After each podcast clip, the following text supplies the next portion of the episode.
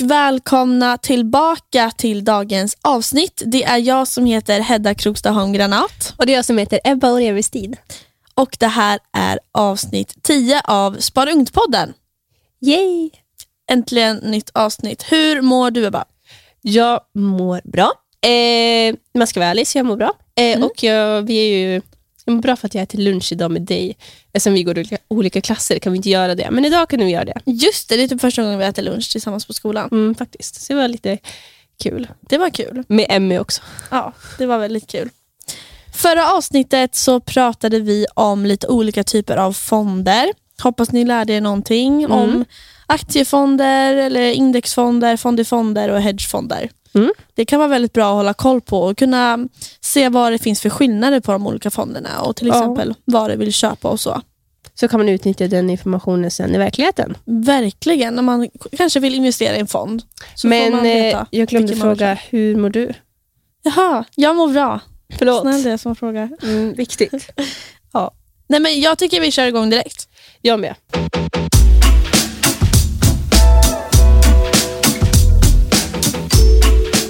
Gör man då för att analysera en aktie egentligen? Och hur vet man vad som gör en aktie attraktiv? Spännande. Det finns ju såklart olika sätt att analysera aktier på och vi tänkte ta upp några nyckelord. Ja, ett nyckelord eller nyckeltal brukar, det finns många olika som vi tänkte gå igenom. Men det finns olika och de används för att lättare kunna ja, men jämföra aktier. Och Det kan användas för att jämföra bolag, ett bolags eller alltså ett företags prestation över olika tidsperioder, men även för att jämföra företag med varandra. Ja, och det finns ju som ett nyckeltal för olika saker som man vill mäta. Till exempel så här, vad, hur bra är ett företag, lönsamheten i företaget alltså, risk med investering och företag och mycket mer. Men vi tänkte ta upp några av de stora. Ja, och nyckeltalen ger då dig alltså en överblick över hur bolaget presterar finansiellt inom olika områden, alltså typ pengamässigt. Ja, så vi tänkte ta upp några nyckeltal och det är inte alltid att folk tycker om alla nyckeltal eller att du behöver använda alla. Men det kan vara bra att veta vad de är för det är oftast de här nyckeltalen man hittar eller hör talas om. Så det första vi tänkte prata om är PE-talet som det heter. Och det är det vanligaste nyckeltalet eller multipeln som det också kallas. Och PE, det står alltså P delat på E, är ett värderingsmått som betyder price delat på earnings på engelska. Men på svenska så är det aktiekursen delat på bolagets vinst per aktie på svenska. då. Och eh, själva vinsten då avser bolagets, alltså företagets vinst. Exakt. Och när man försöker avgöra om man bör köpa en aktie eller inte, det vill säga när man värderar den, så kan P talet vara användbart eftersom det visar hur högt eller lågt marknaden värderar aktien. Tror marknaden att företaget kommer att gå bra eller dåligt? Det kan även berätta om man tror mer om företaget, att de kanske ska prestera väldigt bra, men eh, att företaget kanske inte heller har gjort det, att man, man, man har trott för mycket om det. Men det kan, eh, eller ett högt P tal kan betyda att man förväntar sig en högre vinst och att det ska växa sig starkt i framtiden i det här företaget. Eller så kan man tro lite mindre om företaget än vad det har fått potential. Det kanske kan växa jättestort men man, man tror inte riktigt det. Ja, precis. Och sedan avgör ju man själv om man vill köpa en aktie som marknaden redan värderar högt, eh, eller om man vill då prova sig fram själv och försöka hitta aktier som marknaden värderar lågt, men som du själv då tror på och tror kommer stiga. Exakt. Men vi tar ett exempel då. Hannas, nej, Sweden Race AB gjorde en vinst på 2 kronor per aktie förra året och aktien handlas till 8 kronor i, läget, eh, i nuläget per aktie. Och så här funkar då PE. Sweden Race AB har en aktiekurs, alltså price, på 8 och earning, vinst, på 2 kronor. Och då tar man då 8 delat i 4, vilket blir... eh, Nej, 8 delat i 2, vilket blir 4. Jag skojar bara. eh, och Sweden Race AB har då ett PE-tal på 4 kronor. Exakt, eh, det blir då alltså 4. Och Man kan se det väldigt tydligt i talet att det står P och sen snedstreck delat på E. Och Då vet man att ah, då ska jag ta priset delat på earningen. Men detta innebär då att det tar fyra år för bolaget att med den vinstnivå som, eh, som det här företaget har nu, att tjäna in den summa pengar som aktien handlas till nu. Och det fjärde året då, av dessa år, eh, bolaget har tjänat tillbaka 8 kronor per aktie eftersom dagens vinstnivå är 2 kronor per aktie och år. Det är inte alltid då någon idé att jämföra företag som eh, verkar inom olika branscher med olika månad och då etablering på marknaden. Etablering, ja exakt. Utan det är bättre att jämföra bolag som liknar varandra. Nya företag med hög tillväxt brukar ha alltså skyhöga P tal eftersom då börsen förväntar sig en högre framtida tillväxt. Och P talet kan vara en indikation Förlåt, det är lite svårt att uttala svåra ord. Eh. Det är helt lugnt. på hur marknaden värderar bolaget, men är oftast enklast att använda som ett företag som redan är lönsamt, går med vinst eftersom PE-talet är då kommer alltså vara negativt eftersom företaget inte går med vinst. Exakt.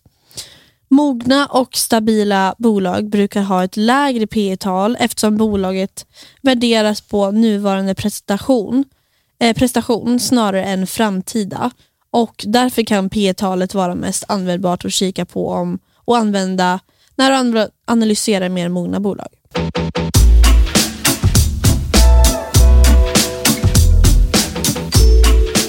Okej, sedan nu så ska vi gå igenom PEG, alltså PEG-nyckeltalet. Ja, och PEG-talet är en vidareutveckling av nyckeltalet PE som vi nyss gick igenom.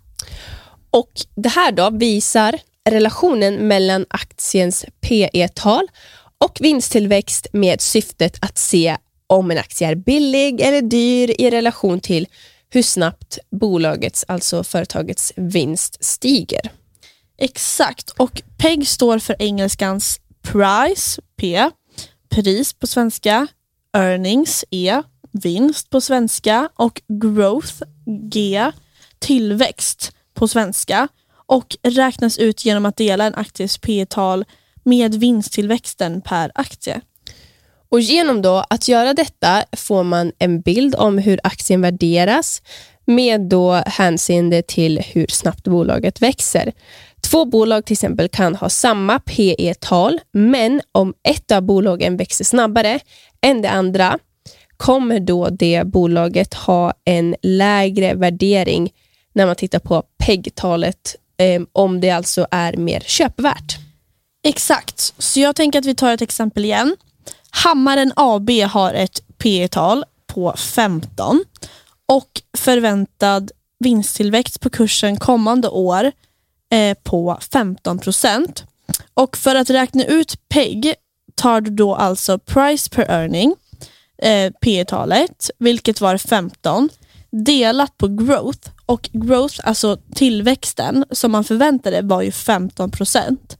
Och då blir det alltså 15 delat på 15 vilket blir 1. Och det ger då Hammaren AB ett PEG-tal på 1,0. Och det är en, tum, en tumregel som man då har och gällande detta är att ett PEG-tal ska understiga 1,5. Och under den här nivån är aktien lågt värderat i förhållande till tillväxttakten och kan därmed anses vara en bra investering till exempel. Då. Och En aktie som har ett PEG-tal över 1,5 anses då i motsats vara ett högt värderat eh, i förhållande till vinsttillväxten. Exakt, men bara för att två företag har samma P tal är det ibland viktigt att jämföra och där eh, och därmed till exempel då använda PEG som också nej, tar in hur man tror att det kommer gå framöver, vinsttillväxten. Och Det här är då ett exempel som vi tänkte ta upp eh, om hur viktigt det är att verkligen jämföra. Okej. Eh, sen så hittade vi ett exempel på Avanza, ett annat exempel. Och nu Exakt. kommer lite svåra ord. Mm. Eh, men nämligen Rederihjärten och Fartygsmogulen, alltså typ bo, två bolag inom rederibranschen, alltså typ båtbranschen. Ja, typ fartyg och Ja, sånt. Mm. exakt. Eh, som båda värderas till PE 14. Men betyder det här verkligen då att dessa två bolag är exakt lika bra investering? Exakt. Och då för att få en lite fördjupad bild tar vi då dessa och tittar på dessa PEG-tal. Och då har rederijätten förväntas växa med 12% medan fartygsmogulen förväntas växa med bara 3 Exakt. Om vi tar de här siffrorna då och gör det i en beräkning så har alltså ja, Rederijätten, båda hade ett eh, PE-tal på 14 men Rederijätten hade förväntats växa med 12 procent. Och då tar vi då 14 delat på 12 vilket blir ett PEG-tal på 1,16. Men fartygsmogulen då, de hade också ett PE-tal på 14 men bara en förväntad tillväxt på 3% vilket då blir 14 delat på 3 vilket blir ett PEG-tal på 4,67. Och här ser vi ju tydligt att rederijätten värderas betydligt lägre än fartygsmogulen med hänsyn till hur snabbt bolagets vinst växer. Och här är alltså rederijätten en bättre investering. Och Det är så viktigt här och det här exemplet hur man verkligen ser att det kan vara bra att använda det här talet för att värdera ett företag även fast man kan ha andra olika nyckeltal. Exakt.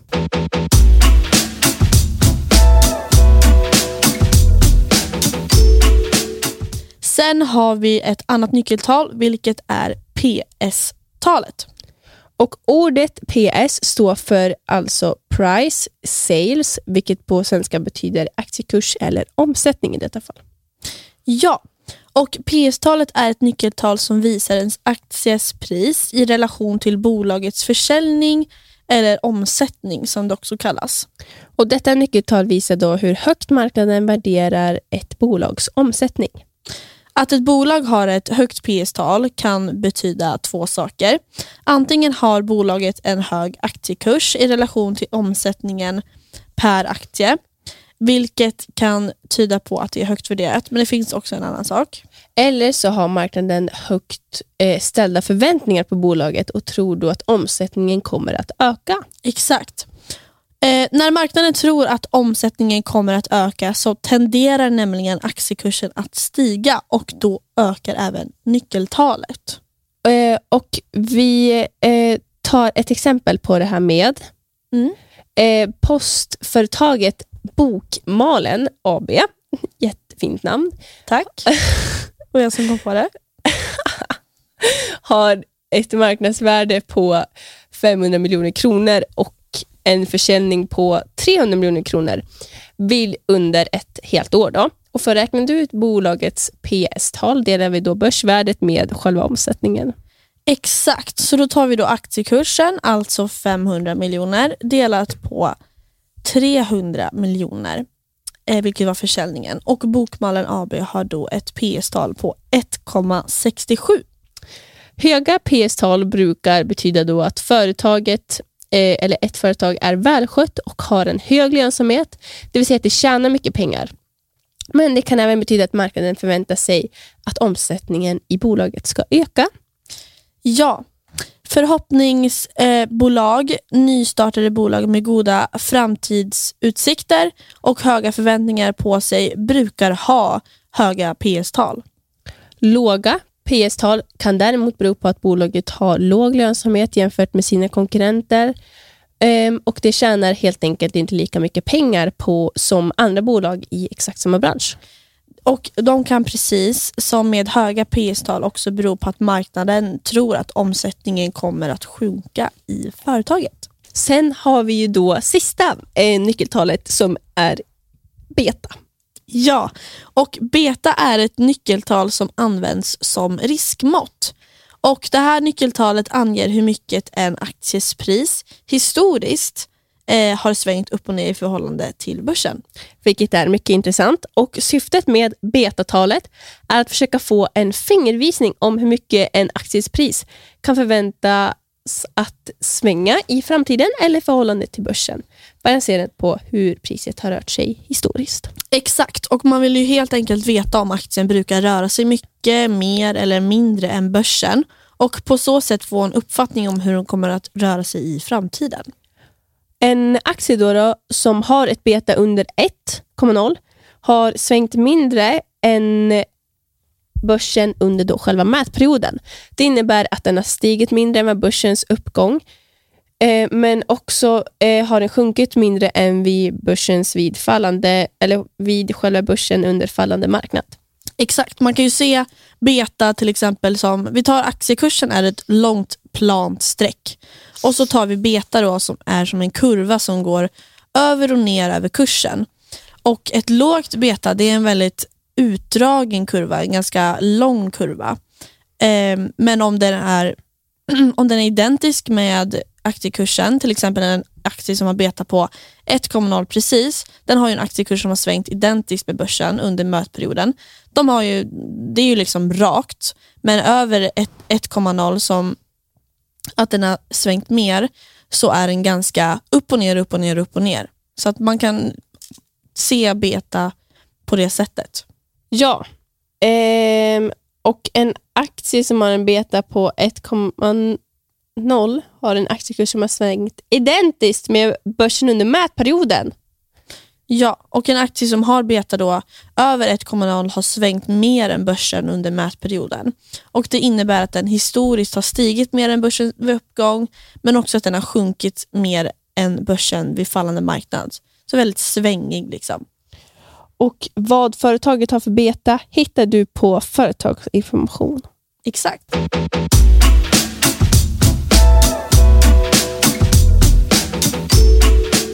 Ja, nu är vi eh, dagens avsnitt slut och tack alla fina ni som har lyssnat. Tack så himla mycket. Det var superkul att få lära er några nyckeltal och nu kanske ni kan eh, söka upp ett företag och så kan ni kolla vad de har här, vad de har för olika nyckeltal. Ja, och äntligen kanske börja se vad ni svänger på att investera i eller så. Ja, kolla lite så här, vad har den där aktien för mm, PS-tal? Och just det, det stod ju för price delat på eh, sales och så. Så man får ju ta det lite i praktiken. Det kan vara väldigt kul när man har lärt sig någonting att verkligen öva på det. Ja, exakt. Um, så får ni ha en underbar dag. Underbar dag och så hörs vi i nästa avsnitt. Håll utkik på Instagram för det är mycket roligt som händer och kommer hända i framtiden. Ja. Så då hörs vi. Mm. Ha det bra. Tack och hej. Hej.